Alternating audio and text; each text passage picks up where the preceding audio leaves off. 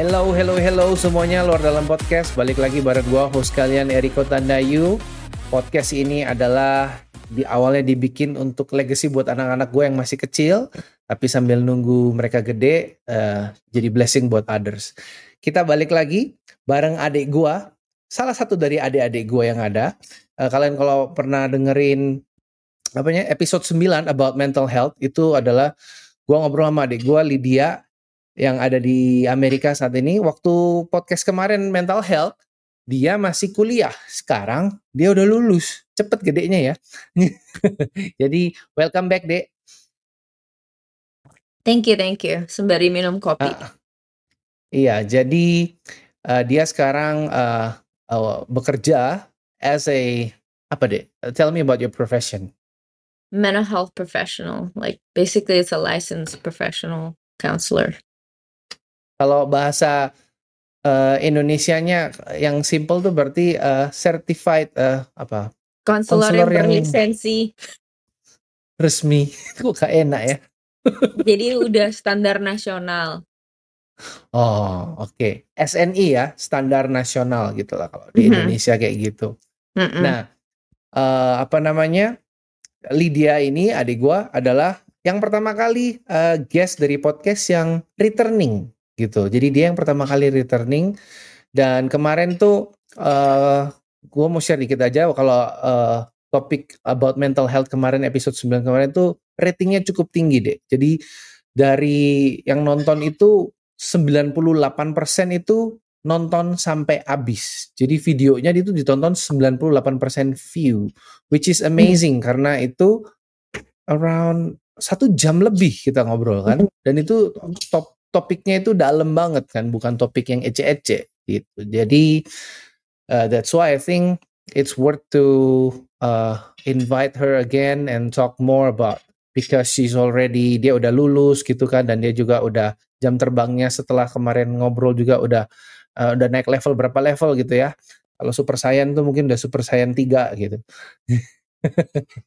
Jadi makanya gue mau undang dia lagi mungkin karena uh, teman-teman juga uh, related ya dengan topik ini dan topik ini jarang dibahas di Indonesia. Eh di ya di gereja Indonesia about mental health gitu dari perspektif yang uh, benar dan secara Alkitab. Nah, sekarang kita mau ngobrol soal tentang uh, topik yang deep juga uh, dan hopefully ini bisa bantu kita semua tentang unforgiveness gitu. Jadi unforgiveness dari lens mental health dan juga also uh, hopefully biblically kita bisa ngobrol nanti. Gue juga akan share pengalaman uh, soal ini ya. Jadi one of the reason deh kenapa aku mau bahas tentang unforgiveness adalah uh, karena memang forgiveness itu very important gitu kan. Emphasize di Alkitab dan juga kita berdua punya history juga soal itu dan kita ada journey-nya masing-masing ke sana dan for me personally I've experienced the impact of forgiveness gitu kan. Dan aku pernah denger apa ya khotbah kalau nggak salah. Kalau nggak salah itu dari kok Jose Carroll. Jose Carroll dia pernah bilang bahwa kalau kita uh, waktu kita benci sama orang itu di hati kita itu katanya ngeluarin racun gitu kan secara kedokteran gitu. Which is amaze me. Itu around 10 years ago. Waktu aku denger itu. Dan I was wondering like kalau menurut kamu deh uh, so far you've learned you've experienced you've counsel people kenapa sih why is unforgiveness itu crucial atau mungkin dangerous in a way gitu deh well unforgiveness is a decision to not forgive so basically mm-hmm. it's sorry ya campur Inggris juga um so yeah. basically unforgiveness is a decision to resent um, mm. a decision to resent. Resentment itself um, is an emotional response. Resentment is an emotional response, and in which encompasses a lot of negative emotions. Like resentment tuh bahasa Indonesia itu kayak kebencian, kebencian, hmm. kemarahan. Jadi di dalam di dalam satu kata resentment itu, di dalam di dalam unforgiveness itu, di dalam hmm. ketidak mengampuni ke keputusan untuk tidak mengampuni itu ada banyak banget emosi-emosi negatif yang hmm. seperti kemarahan, kebencian, kayak rasa jijik sama orang yang kita marah kan kadang-kadang kalau kita marah sama orang kan eh, ngelihat itu uh udah gimana gitu kan jadi Mhm. ada banyak um, emosi yang bikin dalam hati itu kayak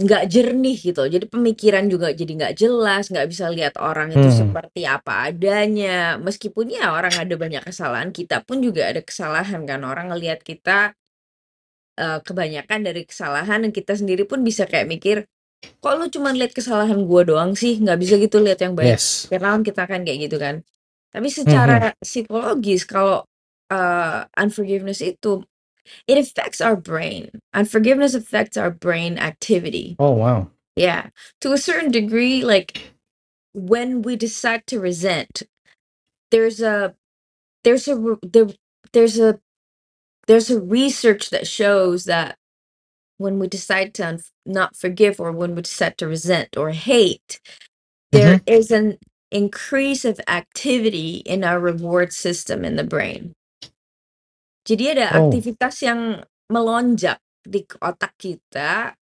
ada kayak reward system tuh apa ya bahasa Indonesianya Uh, ya sistem penghargaan. Ya jadi kok dia di di di al- di kepala kita itu jadi untuk sekedar uh, edukasi aja ya di kepala kita tuh ada apa- ada reseptor reseptor yang yang mengeluarkan hormon.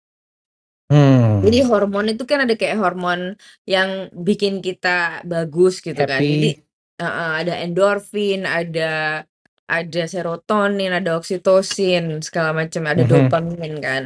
Nah, tapi kalau Mm-mm. secara kes- waktu kita resent, waktu kita benci, resentment increase the activity of the reward system. So to a certain degree, there's a there's a euphoria, there's a there's a sense of satisfaction when you resent someone, but it's only Wow. temporary. But it's only temporary. But the side effect is like when you resent someone, um, you actually um, what's the word? It increase negative response um not increase sorry let me read it um Oke. sorry at this the side effect it, it prolongs the un- unpleasant experience of the first offense Prolong. Iya, jadi waktu kita benci ada increase activity kayak ada wah jadi seneng gitu puas gitu kan tapi itu Ah iya sementara doang. Ah, ah, itu sementara doang sedangkan efek sampingnya itu uh, kita jadi uh, lebih menderita karena efek kayak kita tuh main ulang efek kesalahan orang itu terus menerus Hmm. Wow. dan itu secara nggak langsung memang bikin um, kayak ada research research shows that when you when they they did a research on someone who forgives and not forgives those that don't forgive Mhm. have a lot of heart issues they have a lot of um just basically health issues Heart issue ya. Health health specifically heart heart issue ya. Mhm. Wow. Wow. And apa namanya? I think kalau kita stop bentar di situ ya. Jadi kan memang perasaannya ya, kalau kita eh, simulate waktu kita eh, benci orang, memang bener ada perasaan puas kayak, tapi puasnya itu puas yang bikin nggak puas toh nggak? Puas yang pengen terus, tapi sembari itu kita tahu it's kalau bahasanya Indonesia itu semu, bahwa itu unfulfilling. Gitu kan ya? Perasaannya eh, reward system yang unfulfilling kayak ih pengen di entertain lagi pengen dibahas lagi di di kalau kamu tuh di replay.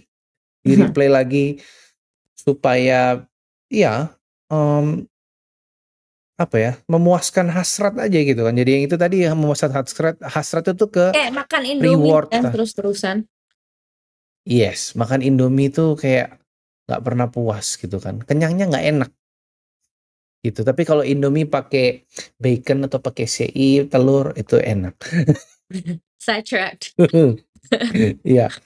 Nah, Oh itu dan yang pertanyaannya ini deh, prolong the offense, the first offense yang kamu bilang. Prolong the experience of the first offense of the whatever that caused the resentment. Wow. But then what about the second and the third gitu kan? Apakah sama atau uh, hanya yang effect. like the, the same, same effect. effect. Yeah, because to a certain degree, if it hurts, it hurts. Then you pre- you, you play it over and over again.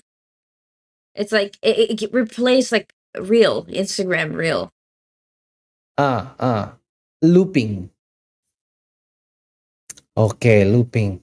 But then, um, uh, apakah orang itu langsung orang kan nggak langsung nyadar kan deh ya?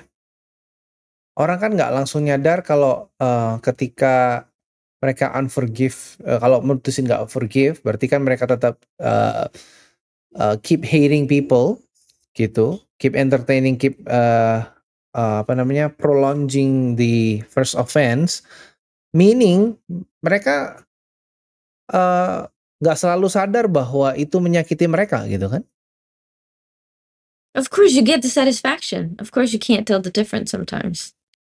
Hmm. So, dengan seperti itu kalau untuk orang yang, apa namanya, nggak, uh, nggak tahu nih, nggak perlu bantuan. Let's say dia dia tahu dia benci, nggak nggak ngampuni, tapi dia juga sadar dia perlu bantuan, where to start it, kalau kayak gitu. That's aku tahu kalau That's a lot of Iya. process. Maksudnya kan kalau kita jawaban Kristennya kan, ya kita harus mengampuni, tapi kan kita nggak mau uh, take that lightly gitu kan. You have to really think through because the whole thing of of forgiveness is let me just pull up my notes so that I don't butcher it. Um Hmm. for like without taking my note, I just I can't find it. I just have to dig through the computer. Um, forgiveness, you gotta first think about it, like it because it's a whole process. It's a Mm. whole process. So the first thing is to to really have a decision. Do I actually Oh. want to forgive? Okay. Want or not, gitu kan, mau atau enggak. Yep. Okay, let's say one. Yes. And then? Ah, that's a process. Uh, that's not something that you can just do it with someone because there's Oh, going to be okay. There's going to be re-traumatizing. So you have to know how to help Hmm. them. Hmm. So, ya jadi let's say untuk orang-orang Indonesia gitu kan. uh, pastor, um, counselor, Christ, uh, counselor I think no, meaning like kita nggak boleh demeaning ya, kita nggak boleh take lightly orang yang punya sakit hati, yang mungkin share ke kita, mungkin kita as a leaders. Jadi we cannot say that kamu harus ngampuni, belajar ngampuni. We cannot say that very lightly without putting ourselves in their shoes gitu kan? I would encourage not to. Hmm. Iya, jadi menarik ya. Terus selain selain health issue uh, regarding to heart issue, Dek, itu biasanya ada side effect apa lagi, Dek? Kalau based on your observation about unforgiveness. Oh, what do you mean? Like, like, um, is there any uh, kind of symptoms uh, symptoms lines yang uh, let's say anxiety, restlessness, oh, uh, uh, lack of sleep gitu kan? Um, here's the thing: when you when someone decides to forgive, research has shown that it lowers anxiety. Hmm. So Lower if you hold on to unforgiveness, so to a certain degree, there's not necessarily like direct statement on it. But, so, but if you decide to forgive, it lowers anxiety.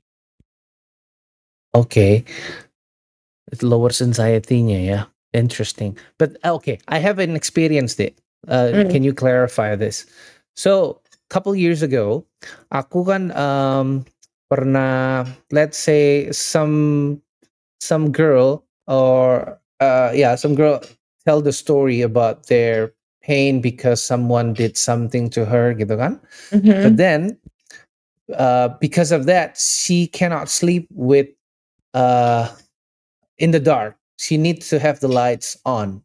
Dia perlu nyala terus. Uh, ini keterusan Inggris. Nanti nanti ini mendengarnya bingung. Bentar. Jadi keterus apa namanya? Ma, ma, apa lampunya harus nyala terus deh. Nah, terus pas dia nyala, itu dia kayak kalau dia lampu mati itu mendadak dia itu dia bilang ke aku ini real story bahwa itu dia see something, see things gitu tau gak? Macam apa? Itu diomongnya apa sih kalau secara psikologi itu indigo gitu ya? But I've never heard of that word in psychology before. I mean, probably there's Iya. somewhere. Yeah. Iya, oke. Pokoknya aku mungkin nggak tahu termsnya, tapi em, intinya dia bisa melihat kayak yang aneh-aneh atau at least dia merasa dia melihat gitu kan. But then I help her navigating through her pain, eh, cari akar masalahnya apa pelan-pelan. Lalu eh, singkat cerita, singkat cerita dia eh, proses berapa minggu gitu dia akhirnya berhasil decide untuk mau mengampuni gitu. Dan akhirnya dia bisa tidur dengan lampu gelap dan symptomsnya itu hilang semua. Itu itu gimana deh?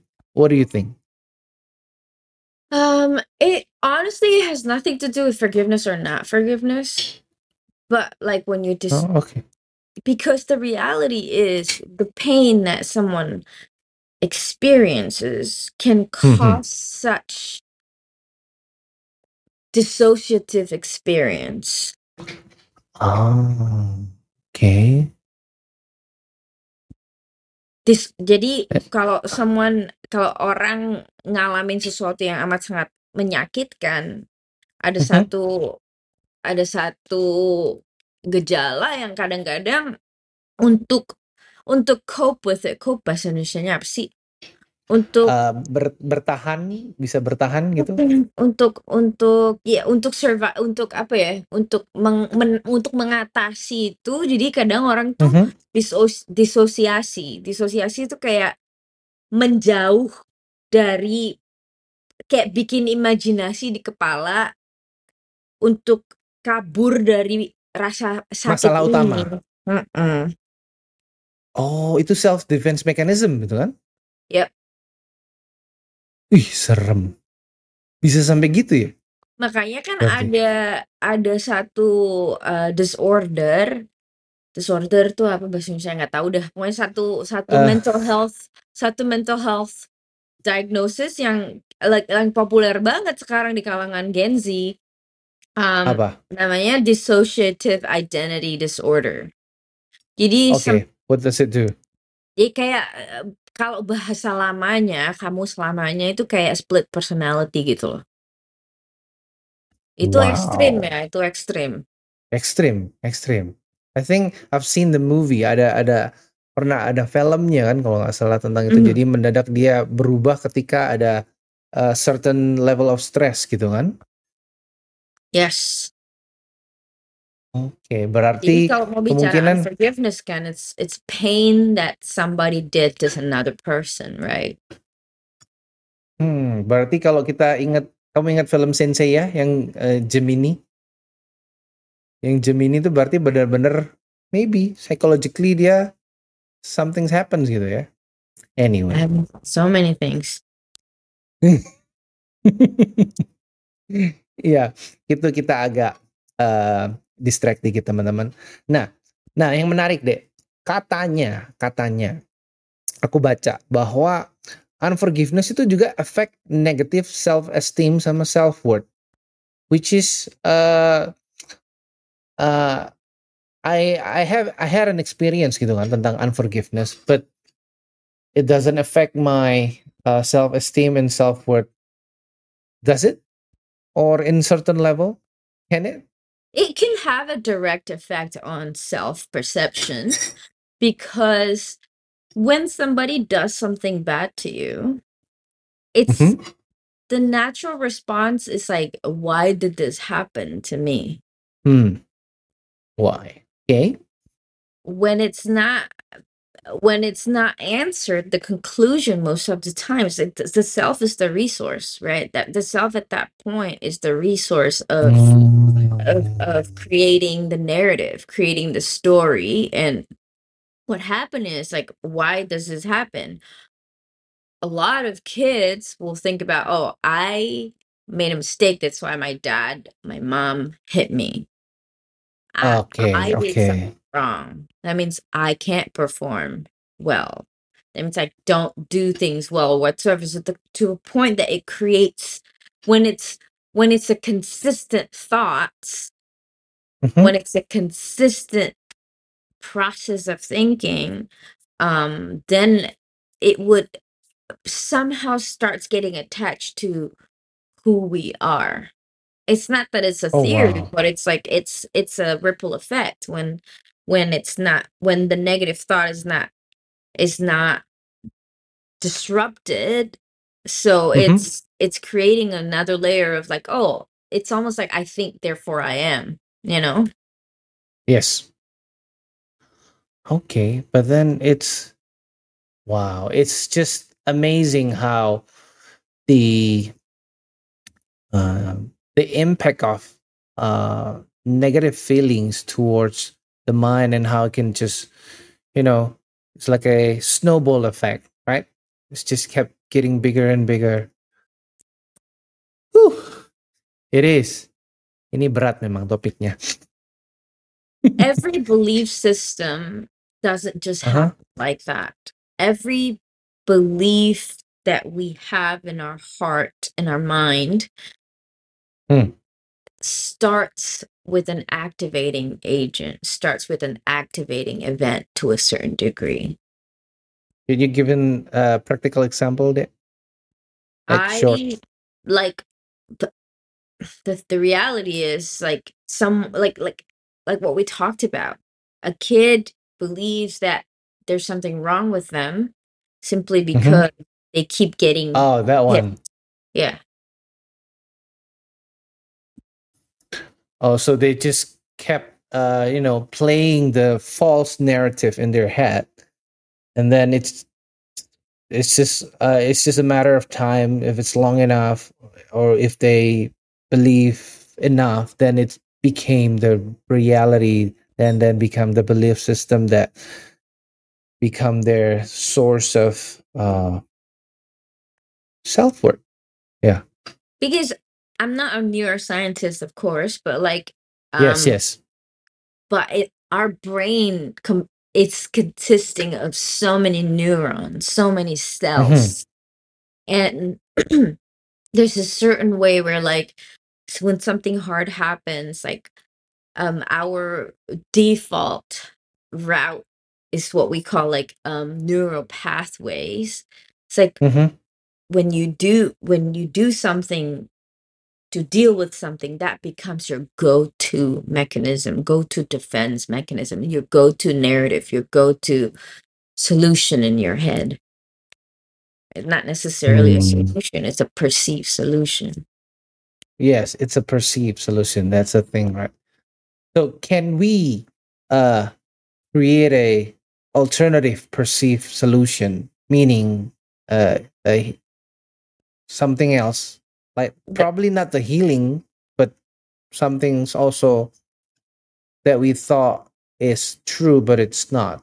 that's Is what it? therapy is for Oh. that's why there's like theories like cognitive behavioral therapy and there's um dialectic behavioral therapy there's a acceptance and commitment therapy there's so many kinds Mm, yeah. Cognitive behavioral therapy uh, theory is, I remember it was part of my uh, skripsiku waktu S1. But then, yeah, I only read like 10 pages of it. But then they, um, in terms of um, body and soul, so like what you said before, itu um affect health, especially heart. Gitu kan. Why do you have you ever found one uh like uh, I know it's a disclosure uh case, but like in terms of case, is it have you ever experienced found in your people people you've uh, counseled that related to the heart and why it has to be the heart? Like the heart is the organ? Mm-hmm, mm-hmm. Y- yes, heart as the organ. There's so many. There's so many. There's so many cases. Like if you want to like just Google search and scholars, um, I mean like there's um this guy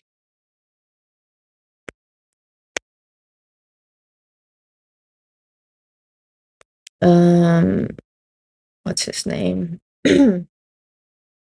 Gretchen Quinstead Moe and Sue Popkins, like he he I mean she he or she, I can't remember, Mhm. discussed very clearly like just stu- studying from women samples and it's Mhm. it's showing that there's heart disease is closely related to it and I see it. I see it in my Mhm. clients as well and some other people that come to therapy but I, I I can't I can't have the liberty of mentioning case by case but like there Yes, are yes. proof and it's not necessarily just affecting the heart as the organ even like for me I held on um unforgiveness for so long to a point that it affected my Mhm. own health I could speak for Was that myself Mhm.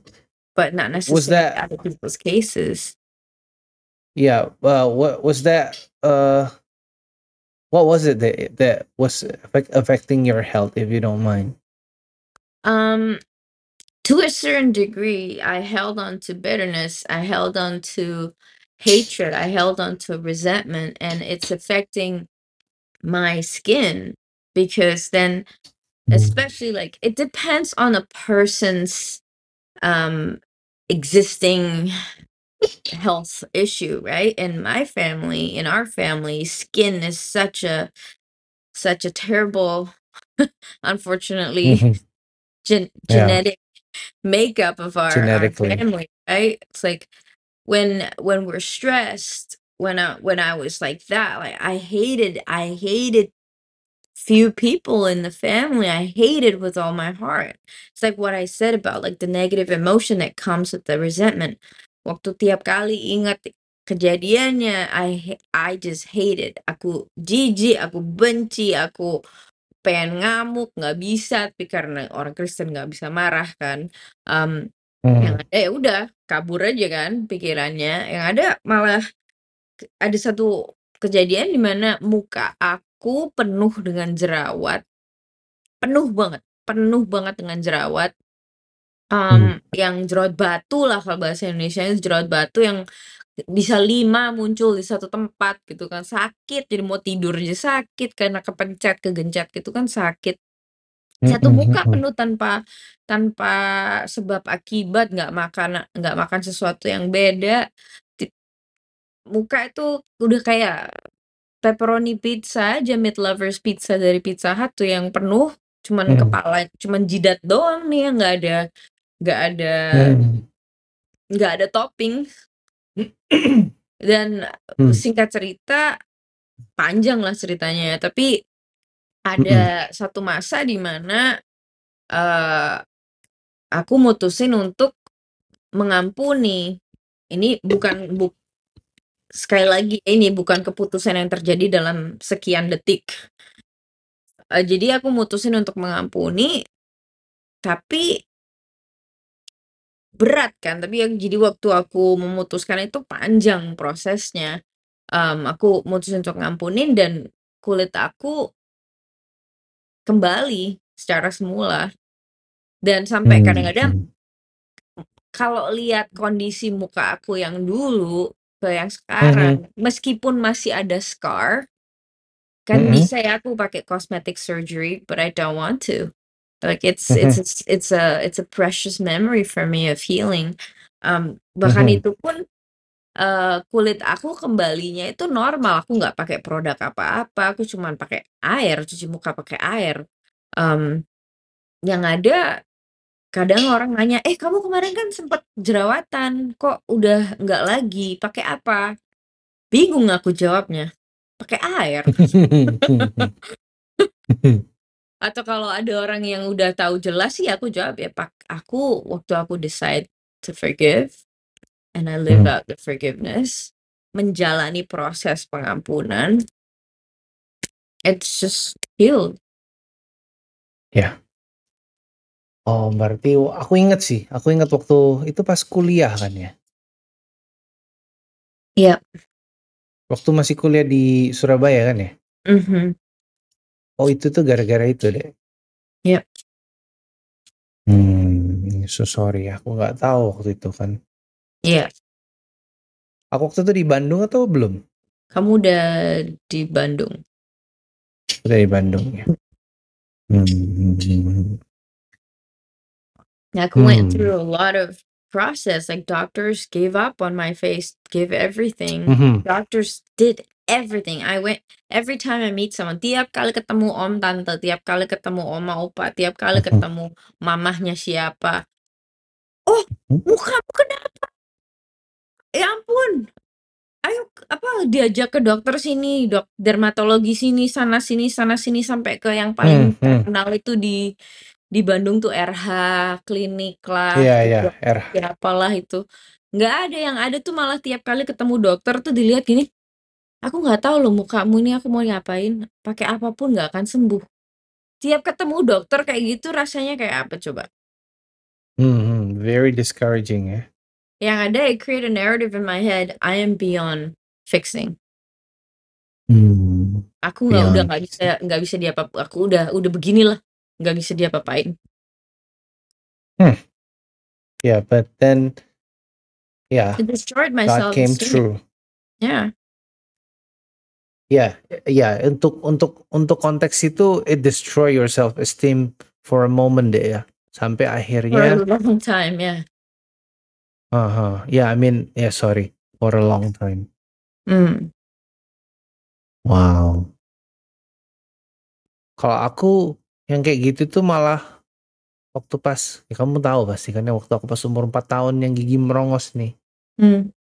Yang gigi merongos itu toh, yang kalau Mhm. gigi merongos kan uh, people say uh, associate me dengan uh, dulu tuh kalau teman-teman tahu tuh ada bintang film namanya Boneng. Itu adalah panggilan saya dulu.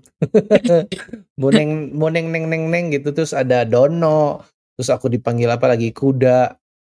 Itu sebenarnya dibilang unforgiveness kind of gitu ya. Kayak kayak itu unforgiveness nggak sih? Kayak maksudnya aku kayak nggak bisa tanda kutip ngampuni diriku sendiri gitu ya.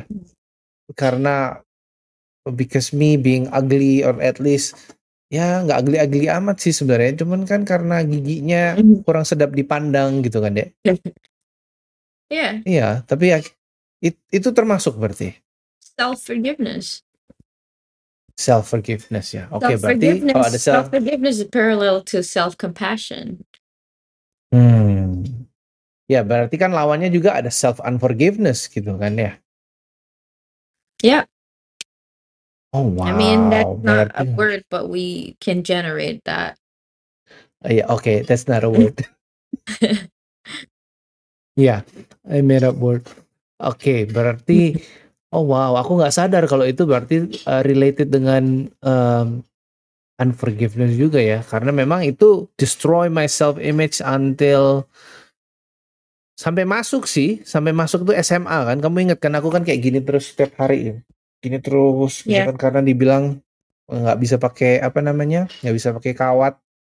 Jadi akhirnya walaupun udah masuk ya, udah lumayan nggak terlalu jelek gitu, tapi masih hancur gitu kan. Sampai ya sampai lama sih, lama. Hampir 20 tahunan lebih. Wow. But then praise God ya. Kita uh, God found you, God found me, and you found His love. I found His love.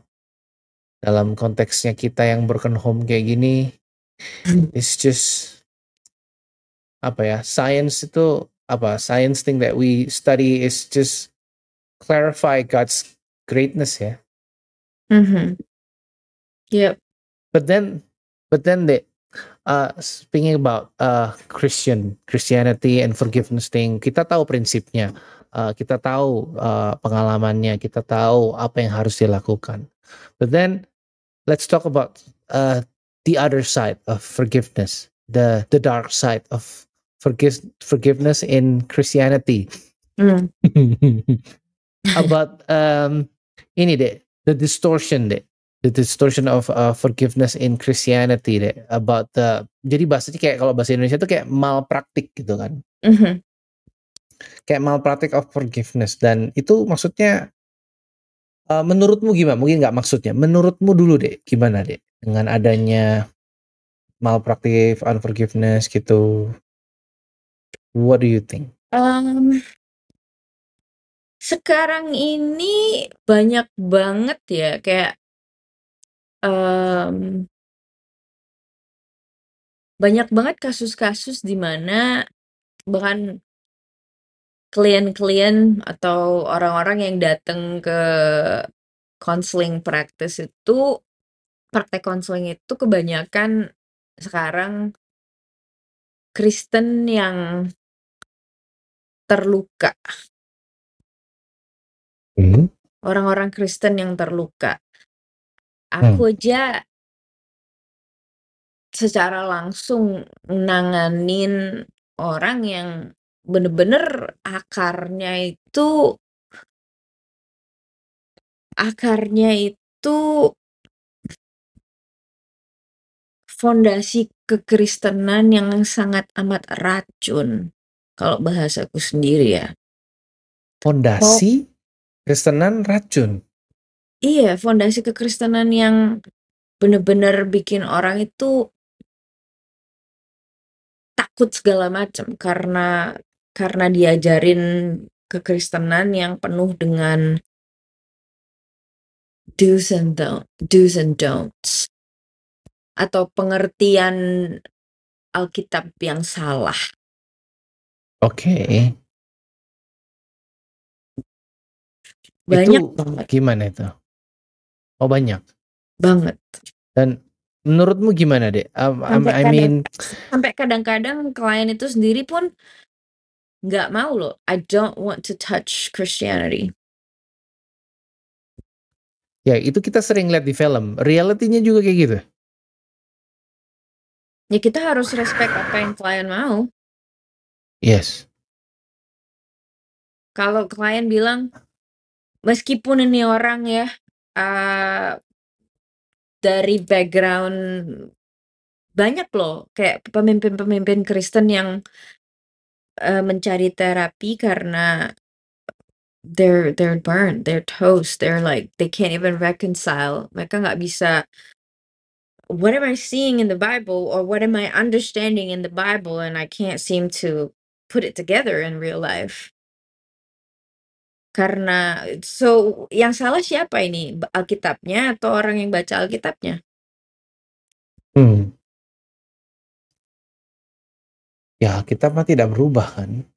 The way we interpret the Bible kan. Banyak banget loh yang cari beneran. Sampai ada pun aku sempet di aku sempet, eee, punya supervisor yang, mmm, dia punya klinik mental health yang khusus banget buat leader-leader gereja. Tapi of course nggak nggak dibahas kan di gereja kalau pemimpin ke terapi. Karena I sadar iya. mereka sendiri kan gitu. Iya, itu kayak masih belum jadi budaya yang in a way acceptable gitu ya. Kebayang aja makin parah nggak itu kira-kira mental health-nya? Iya, jadi kayak nggak ada safe space kan. Nggak ada safe space bahwa, um, a leader doesn't have to be perfect gitu kan. I am vulnerable also gitu. Okay, but then, um, about the simple things deh then, uh, the this the dark side of, uh, ini, uh, Forgiveness. forgiveness in in the simple things kayak di Indonesia kita kan sering bilang itu tadi kan, uh, menyepelekan, mungkin tidak menempatkan diri di posisi orang lain, bahwa ya udah ampuni aja gitu kan, ya udah ampuni aja, terus itu seolah-olah kita ini kayak uh, kita am, you're not a human, you're not allowed to feel. That's why you need to forgive uh, in a in a sense gitu kan kayak seolah-olah harus ngampuni secara instan. ah, Tuhan. What do you think? Ya, ya ilustrasi gampangnya aja kalau kebanyakan makan mie instan gimana? Kebanyakan makan yang instan-instan gimana kira-kira? Hmm, masuk angin mah, dan lain sebagainya. Same things ya. It's it solve the problem kan? It mem me memecahkan masalah pada saat itu selama 5 menit, di mana kita makan Indomie itu enak banget kan, kita lapar makan Indomie doang ya, makan Indomie doang, Mhm. lapar kenyang kan? Tapi ada Ya. efek samping nggak kira-kira kalau kita makan itu terus? Iya, in a way, eee, Indomie kalau dengerin ini kita disclaimer, kita nggak hate your product, we love your Kita product banget. ini hanya kita kita cuma kalau mau sponsori boleh Indomie. Siapa tahu ada manajer yang dengerin podcast ini, tapi kita cuman sebagai ilustrasi ya, eee, nggak ada bermaksud mendiskreditkan, maksudnya kalau kebanyakan gitu, Huh, Iya. gitu ya. Terus, eee, apa namanya Dek, apa namanya, mmm, distortion dalam, eee, forgiveness ini, eee, bisa ngaruh ke mental health juga? Iya dong. Karena kadang-kadang kan gini ya, kita contoh kasus biasanya di bukan contoh kasusnya secara umum di gereja ada ada kayak ya mungkin bimbingan atau apakah gitu kan yang suka kita Mhm. ayo kita ampuni orang-orang yang bersalah kepada kita kan gitu. Eee Mmm, mhm.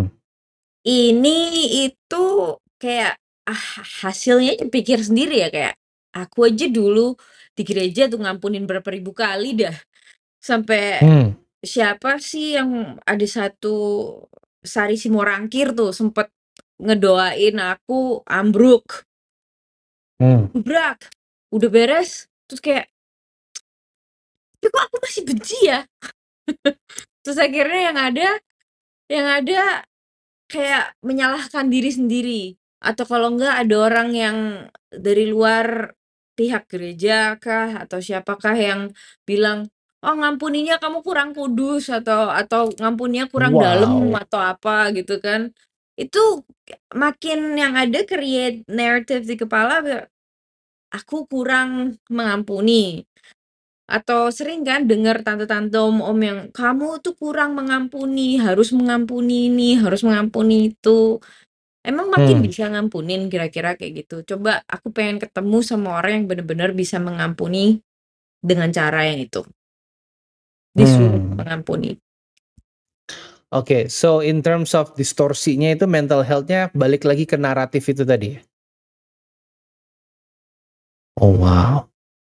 This Karena is ingat ya, this di episode yang pertama kan kita bahas mental health itu kalau episode se 9? se secara nggak maksudnya yang yang episode sama aku yang Iya. pertama, mmm, itu kan kita Ah bahas secara singkat ya, kalau, eee, esensi mental health yang jernih itu punya pikiran jernih tentang diri sendiri.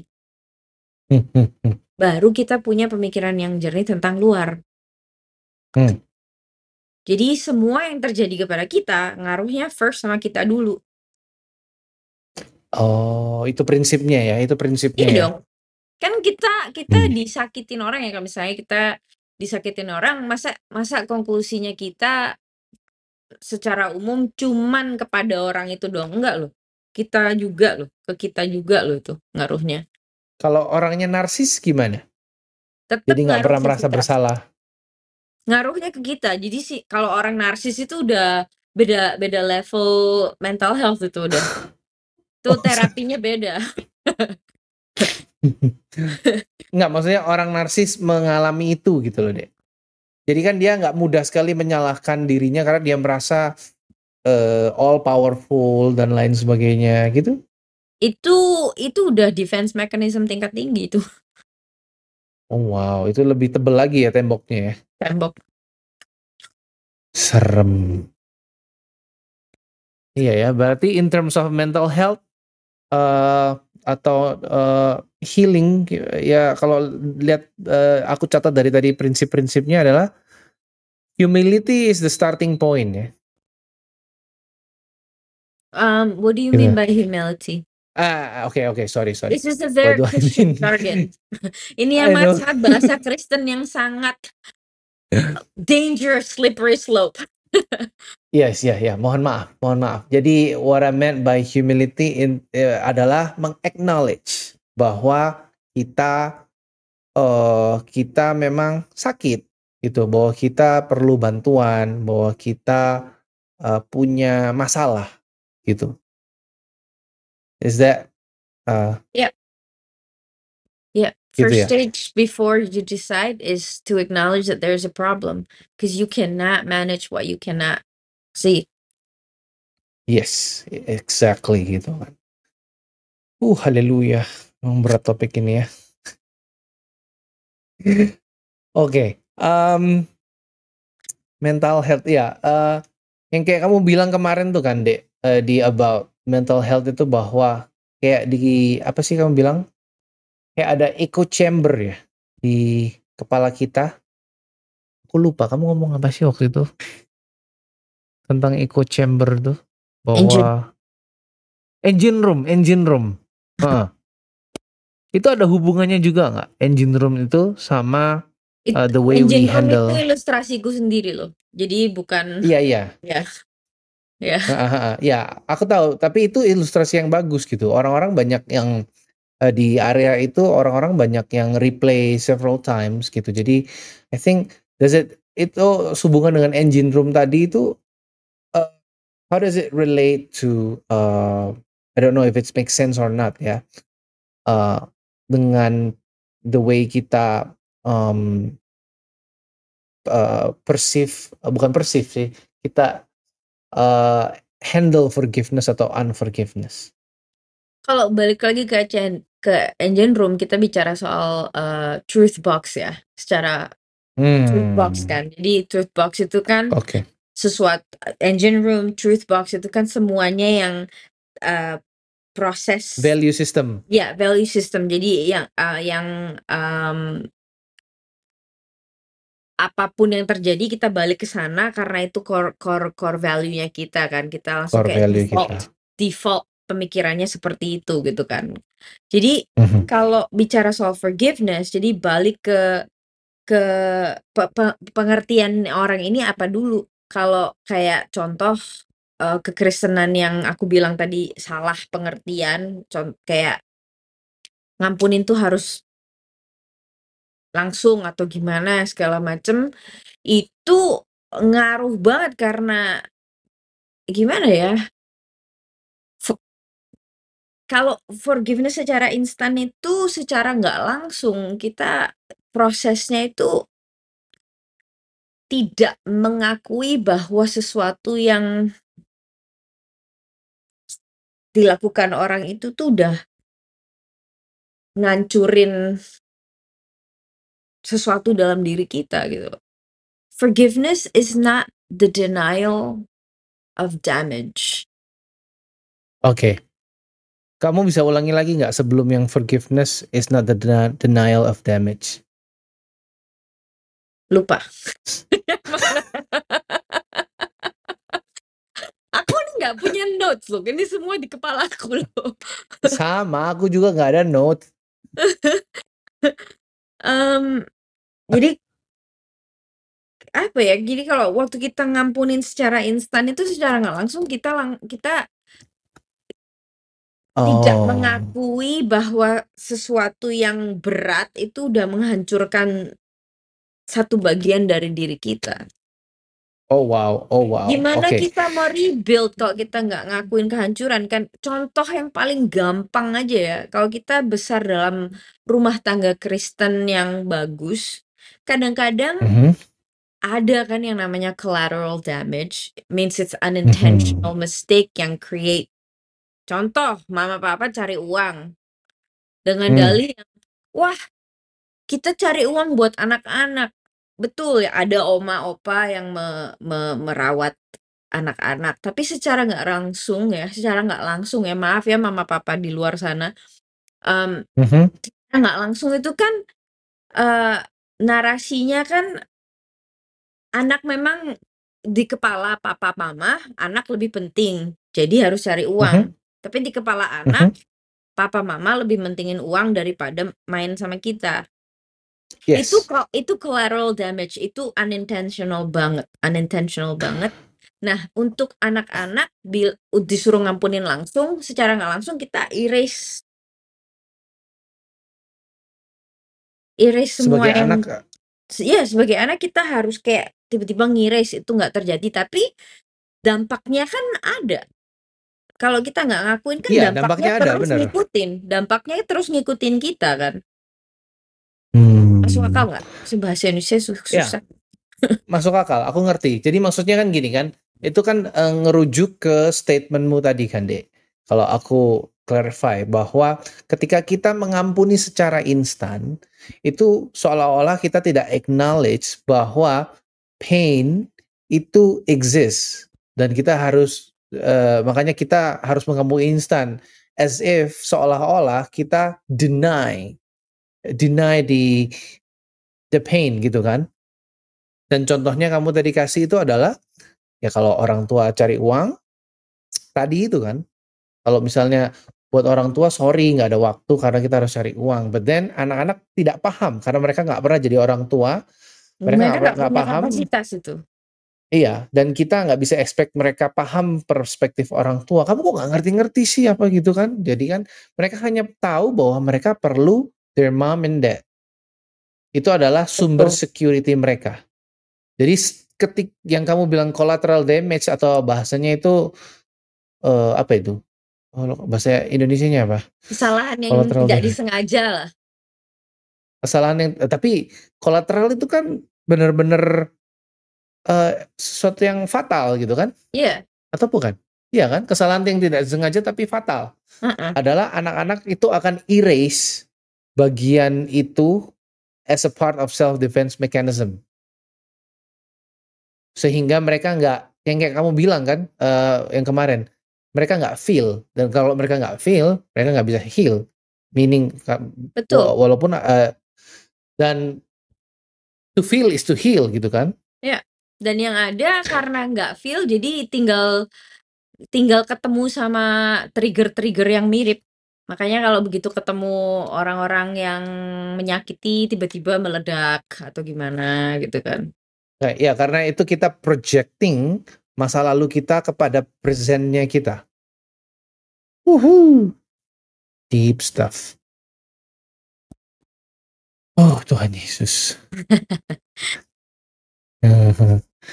Ya ya, ini kita baru bicara loh, Dek, kita ini baru bicara me me imagining you handle berapa klien seminggu? 30. 25, 30 klien. Satu satu minggu, Dek. Satu minggu 30 klien? Kalau OMG. datang semua, yang namanya juga ada Iya ya. cancellation gitu kan. Ya oke, minimal berarti berapa? 20, 15? 20. 20, 15 handling itu berarti oh my goodness, gitu ya, heavy heavy gitu ya. Nah, Dan ini kita baru cuman bahas cuman individu ya kan, aku kan punya clients yang couples juga. Mmm mmm mmm. Couples lebih kompleks. Iya, 2 orang langsung depan kamu berantem gimana? Mhm mhm, aku ngerti. Iya, oke, baiklah. Jadi intinya forgive Ah. kan sering Mhm. di kita dibilang forgive and forget, no it's not. It's true. Forgive is not forget. Yes. Oke, itu penting. Aku juga sering ngomong itu ke teman-teman yang biasanya suka ngobrol, curhat gitu kan. Eee, mungkin dari perspektifmu dulu deh, forgive not forget itu, ex can you elaborate a little bit? a lot of the times when you're forgiving, you're expected to forget. Kadang-kadang pun malah dengan ekspektasi yang, "Oh, kalau udah ngampunin kan harus nggak boleh inget lagi." Kadang-kadang malah orang yang bersalah Hmm. pada kita pun ngomong kayak gitu kan, "Kamu kan udah ngampunin kok masih begini?" Enak ya ngomong.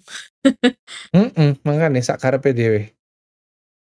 I remember everything that happened to me. Hmm. Everything. Hmm. Jadi but when you forgive, then you you remember and then you continue to forgive. Hmm. That's why forgiveness is not a one-time decision, it's a journey. It's Hmm. a process. Forgiveness is not a starting point. Forgiveness is a like destination, if I could say that. Hmm. Destination. That's a good one. Ya. Oke, teman-teman, for the record ya, eee, karena apa namanya, eee, kalau kalian lihat kita bisa ngobrol seperti ini, ini adalah purely, eee, God's grace gitu untuk aku sama adikku Lydia ini seperti ini. Karena I did a very bad thing to her waktu aku remaja, but then she chose to forgive me gitu ya. Jadi kalau kalian dengar saat ini bahwa apa namanya, eee, aku bisa ngampuni diriku sendiri ketika Lydia, eee, approach myself gitu.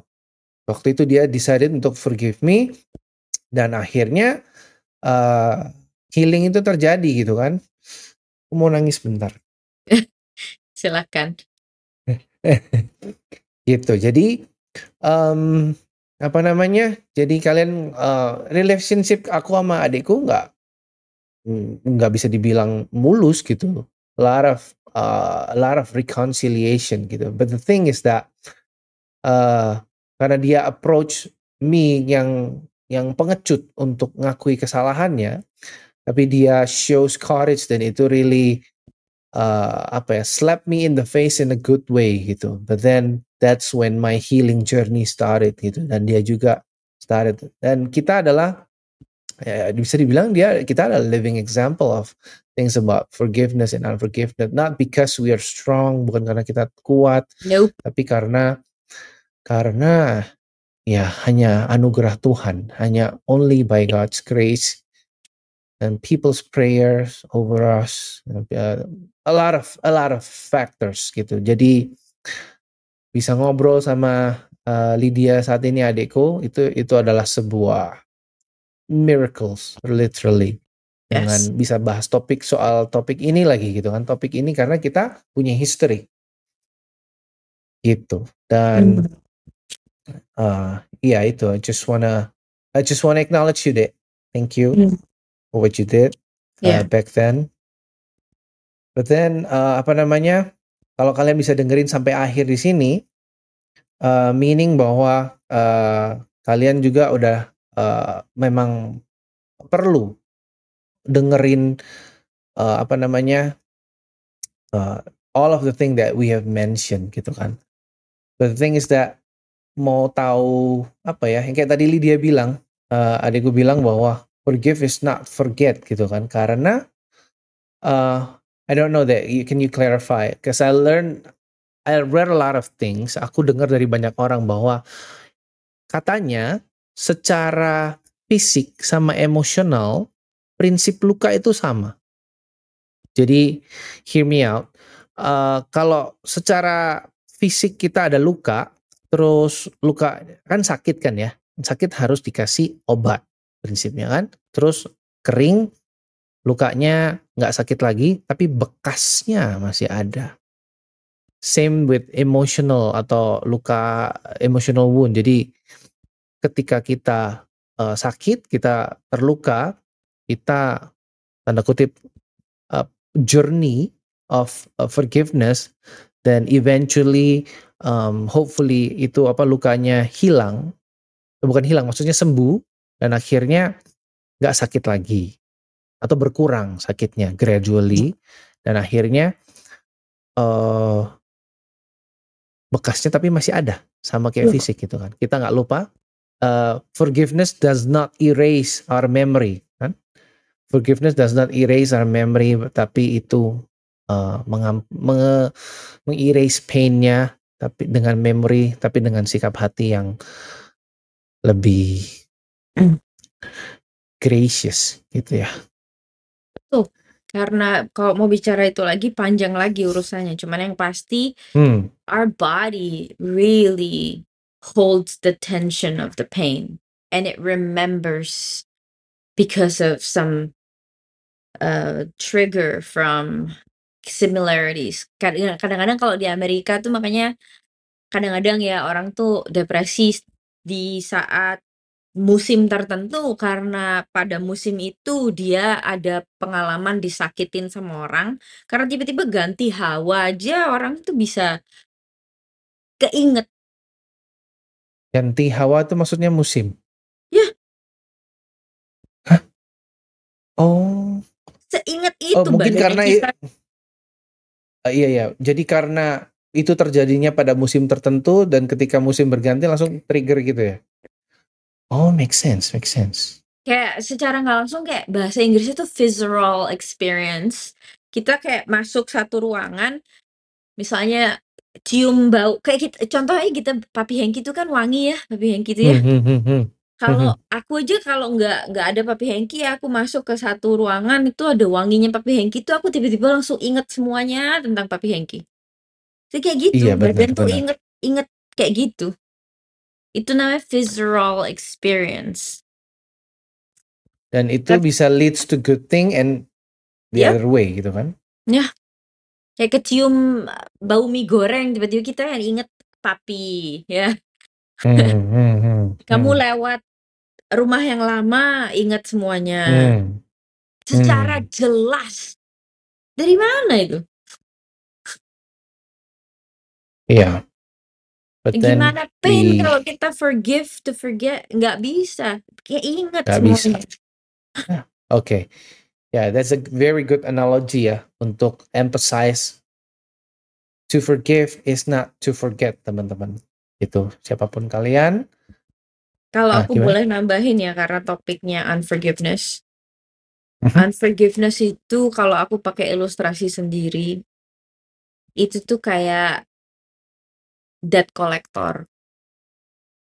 Hmm. Debt collector yang secara nggak langsung itu begini, kalau kita, uh, nun apa kadang-kadang ya, kan kalau orang kejar utang itu Kenyataannya kan yang dikejar sebetulnya nggak punya kemampuan untuk membayar. Kapasitasnya mhm. nggak ada untuk bayar kadang-kadang kan. Atau Mhm. mereka nggak punya kapasitas untuk mengerti bahwa mereka harus bayar. Istilahnya cacat hmm. mental lah kadang-kadang ya. Um, hmm. nah kalau kita punya karena unforgiveness itu basically basically bilang bahwa ini orang utang maaf sama gua.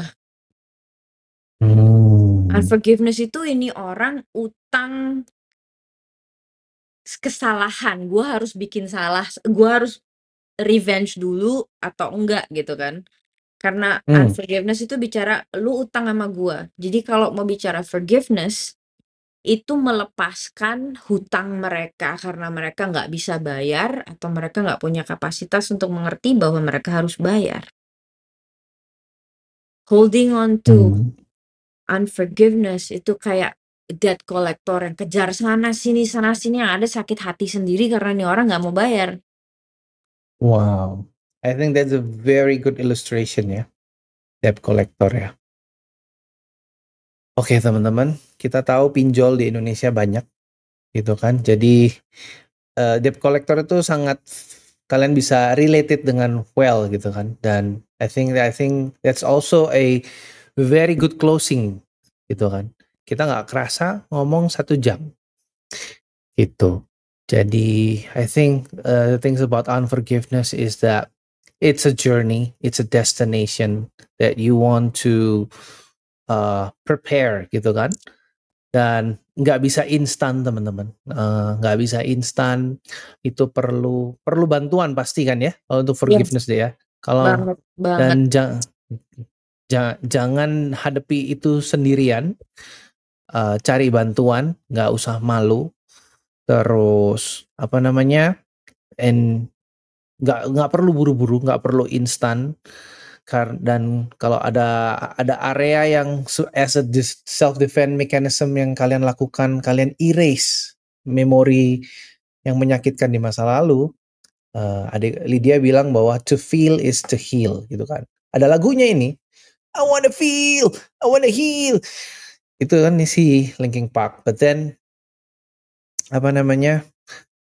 Uh, supaya kita juga sembuh, kita bisa jadi uh, pribadi yang sehat, sehat secara mental.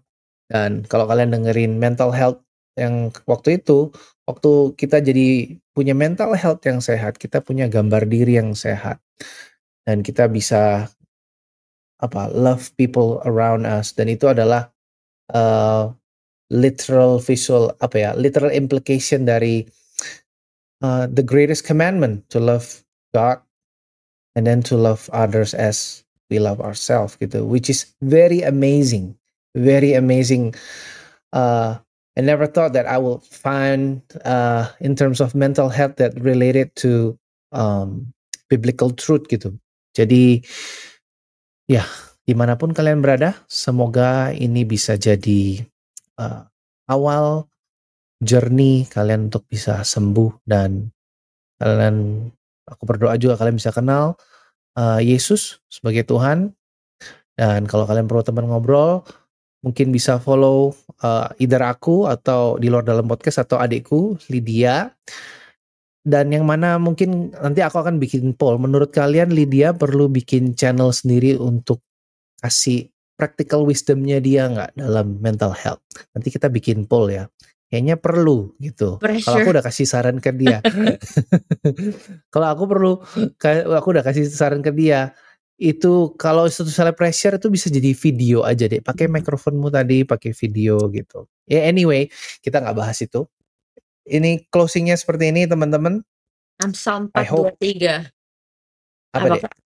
Amsal 423. Oh, Amsal 423. Iya, jagalah hati, jangan kau nodai. Eh bukan, eh, bu jagalah hatimu dengan segala jagalah kewaspadaan. hatimu dengan segala kewaspadaan. Dengan segala kewaspadaan. Karena dari Karena dari situ. terpancar kehidupan. Hmm. Ya, kalau bahasa Inggrisnya ESV itu it flows the springs of life, mata air kehidupan, teman-teman, which is very true. Very true. Kayak ilustrasinya Lydia tadi yang tentang engine room truth box.